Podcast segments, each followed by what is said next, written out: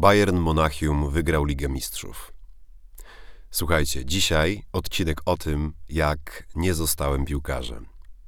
Ale zanim o tym, to chciałbym Wam opowiedzieć o tym, co u mnie. E, jestem po warsztatach z bardzo fajną grupą młodzieży, około 15 osób z grupy e, Siemacha, to znaczy z Domu Kultury Siemacha z Krakowa. E, bardzo zdolni młodzi ludzie przyjechali do mnie na warsztaty teatralne i dali też koncert. Świetni, naprawdę świetne wokalistki, fajne chłopaki i w ogóle no super nam się pracowało. Cztery dni warsztatów, takich muzyczno-teatralnych, nastawionych bardziej na teatr. Oni zwykle zajmują się muzyką, ale tym razem ich opiekun, który, którego znam, Kamil Nowakowski, pozdrawiam go bardzo serdecznie, zdecydował się, żebyśmy zrobili warsztaty teatralne. Inspirowaliśmy się w tym pokazie twórczością takiego pana, który się nazywa Howard Phillips Lovecraft. To jest prekursor tak zwanego cosmic horroru wśród fantastów. Nawiązując do poprzedniego odcinka, e, to jest kanon literatury. Więc taki e, w stylu horroru zrobiliśmy pokazik, potem dali koncert piękna pogoda dopisała, naprawdę bardzo, bardzo fajnie i strasznie się cieszę, że coś tam się dzieje w, tym, w tej naszej stodole teatralnej, na klepisku, ze względu na pandemię i walczymy o to, żeby się działo jak najwięcej. We wrześniu będziemy mieli bardzo fajny koncert w ramach Pardes Festiwalu. E, no i zawsze jak ci ludzie przyjeżdżają do stodoły, w którą włożyłem bardzo dużo potu, krwi, zaangażowania i po prostu pracy, to się jakoś wzruszam i no i kurczę, dla takich momentów się żyje. Ale słuchajcie, do meritum. Odcinek o tym, jak nie zostałem piłkarzem. Moja przygoda z futbolem zaczęła się jak yy, chyba przygoda każdego dzieciaka wychowującego się na wsi, yy, gdzie chodziło się po prostu na boisko przy szkole, wiejskie boisko, yy, na którym zresztą byłem ostatnio z moją żoną Olgą. Akurat tam spacerowaliśmy sobie z psem i teraz wygląda to pięknie. Równa murawa, e, duże bramki z siatkami, do, siatki dookoła boiska, żeby piłka nie wylatywała. Jak ja tam śmigałem, jak miałem, nie wiem, 10-12 lat, to bramki były takie, może kojarzycie, w takie biało-czerwone pasy, bardzo małe, e, bez żadnej siatki, więc każdy gol to generalnie prawo Pascala, kto wykopał ten pedala e, i bardzo często się też biegało, bo wylatywała za płot ta piłka, kłótnie, kto po nią idzie i dlaczego i tak dalej. I może dla pokolenia, które teraz jest, y, że tak powiem, w wieku powiedzmy 15-12 lat, jest to nie do wyobrażenia, ale my się tam spotykaliśmy codziennie i nie mieliśmy telefonów. I tylko się krzyczało: Mamo, zrzucisz wodę? Albo się rzucał kamieniami w szyby, e, żeby ktoś wyszedł. E, później oczywiście dzwoniliśmy na swoje stacjonarne telefony, jak już były, e, jak już każdy miał, ale raczej po prostu było tak, że wiedziałeś, że po południu, czy to przy jeszcze 14, czy o 15, to ktoś na tym boisku był. Oczywiście czasami było tak, że się przychodziło na to boisko i nie było nikogo, więc się samemu kopało piłkę, albo się wracało do domu. Ale pamiętam będę wspominał to myślę, że całe życie, że biegaliśmy wtedy jak e, Phoebe we Friendsach. Rozwiane włosy, e, po prostu ręce, nie patrzyliśmy na to, jak jesteśmy ubrani, graliśmy w czym popadnie. Szałem wtedy były takie korkotrampki yy, i to nie każdy je miał. Jak już ktoś je miał, to było super. I graliśmy, i graliśmy w różne gierki, bo nie zawsze było tyle osób, żeby, żeby, żeby właśnie zagrać pełny mecz. E, czasem by, by, była taka ilość, ale czasem grało się na przykład w jedno dotknięcie, e, tego typu rzeczy, albo dwóch na jednego, e, albo w karne, albo w jakieś takie gry, nie pamiętam jak ona się nazywała, gdzie spojenie było, pamiętam, spojenie poprzeczki ze słupkiem było punktowane najwyżej i się grało na punkty. Było super. No ale potem pomyślałem, kurczę, y, może ja bym zagrał w klubie piłkarskim. I słuchajcie, mało kto o tym wie, ale ja grałem w klubie piłkarskim, tak się później złożyło, e, w tak zwanych trampkarzach młodszych, jak miałem właśnie jakieś 13 lat. E, w Orłach Kazimierz jest taki klub, Orły Kazimierz i tam sobie trenowałem. Byłem wtedy grubym dzieckiem, więc kiepsko mi szło, ale i tak bardzo to lubiłem. Później oczywiście z czasem zaczęło mi iść coraz lepiej. E, a potem przerwałem e, te treningi ze względu na teatr, bo już stwierdziłem, że zostanę aktorem. I grałem na tak zwanym ostatnim stoperze. To jest w ogóle zapomniana, zapomniana w tym momencie mm, pozycja, której już nie ma, bo zawsze się gra teraz przynajmniej dwoma stoperami. E, ale kiedyś się grało tak, że było u nas w formacji trzech obrońców, a za nimi był jeszcze jeden przed bramkarzem, ostatni stoper, który czyścił, który po prostu jak trzeba było, to faulował, nawet na żółtą kartkę.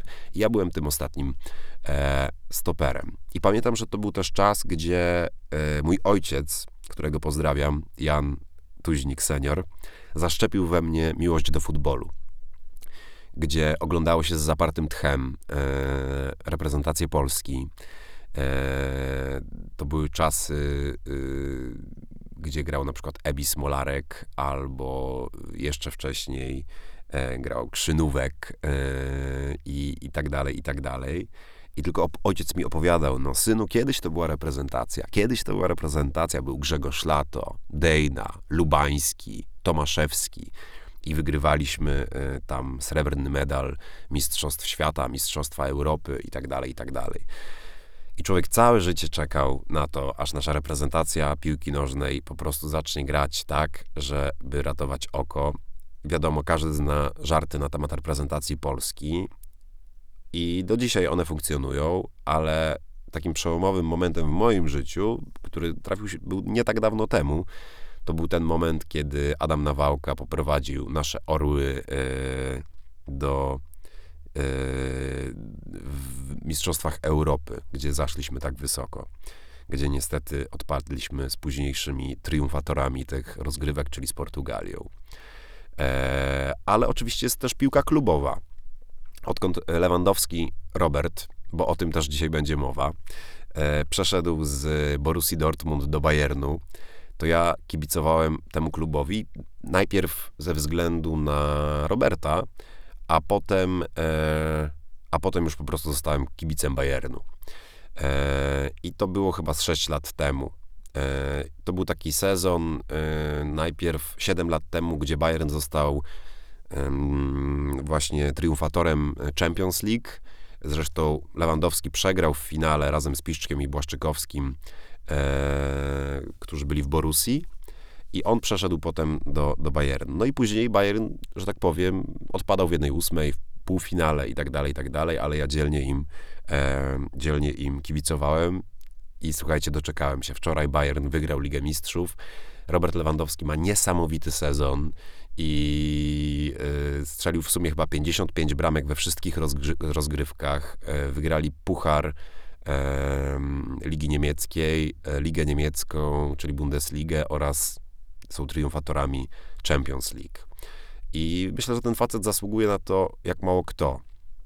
I, i, I, się zastanawiałem, czy w ogóle mówić dzisiaj o tym w podcaście, o tej piłce nożnej i tak dalej, bo może nie każdego to, to obchodzi.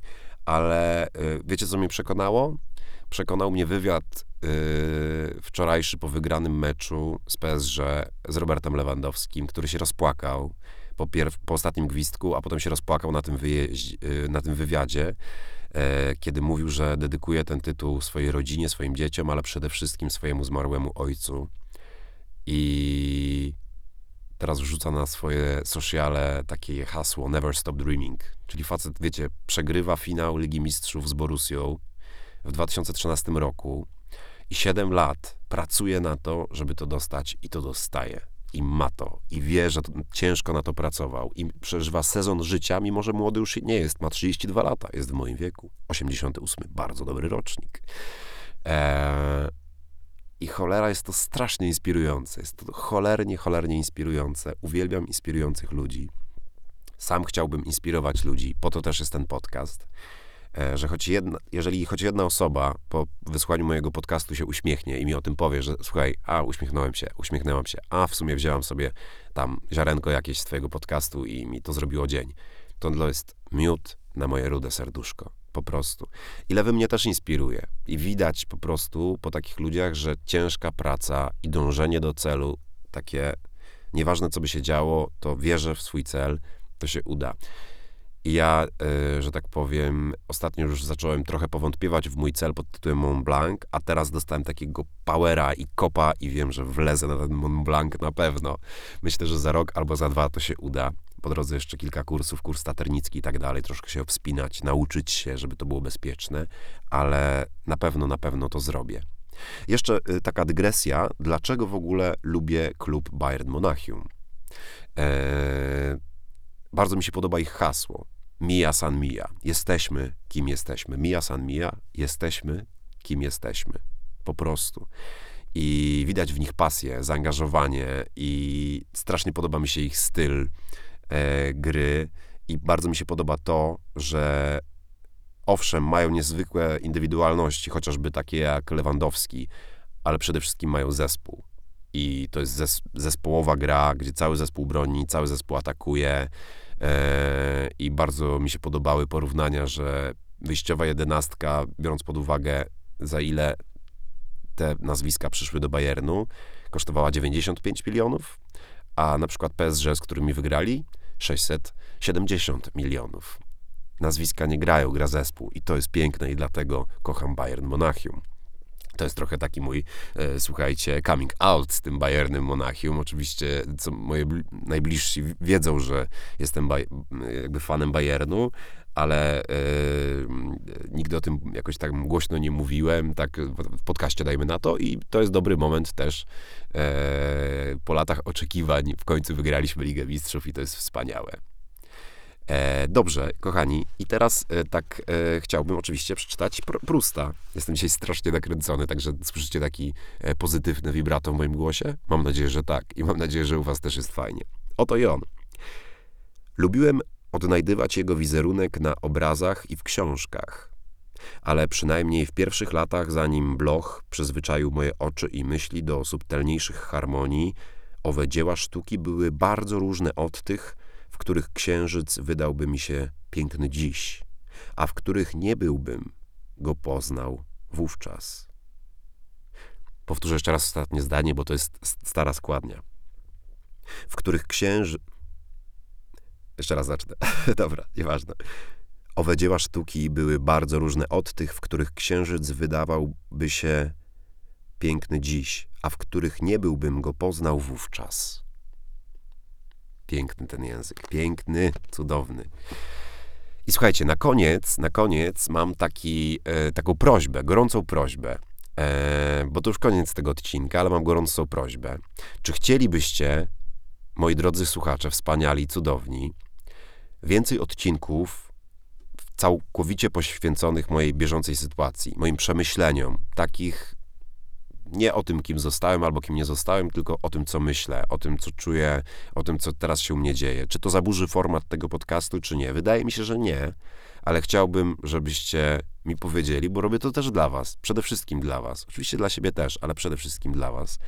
Napiszcie do mnie maila, poszukiwanie straconego czasu małpa gmail.com. Napiszcie na Instagramie, poszukiwanie straconego czasu. Możecie napis, zadzwonić do mnie, jak jesteście moimi znajomymi i macie mój numer telefonu, albo wysłać mi SMS-a, albo wiadomość na Messengerze. Gołębie pocztowe też przyjmuję.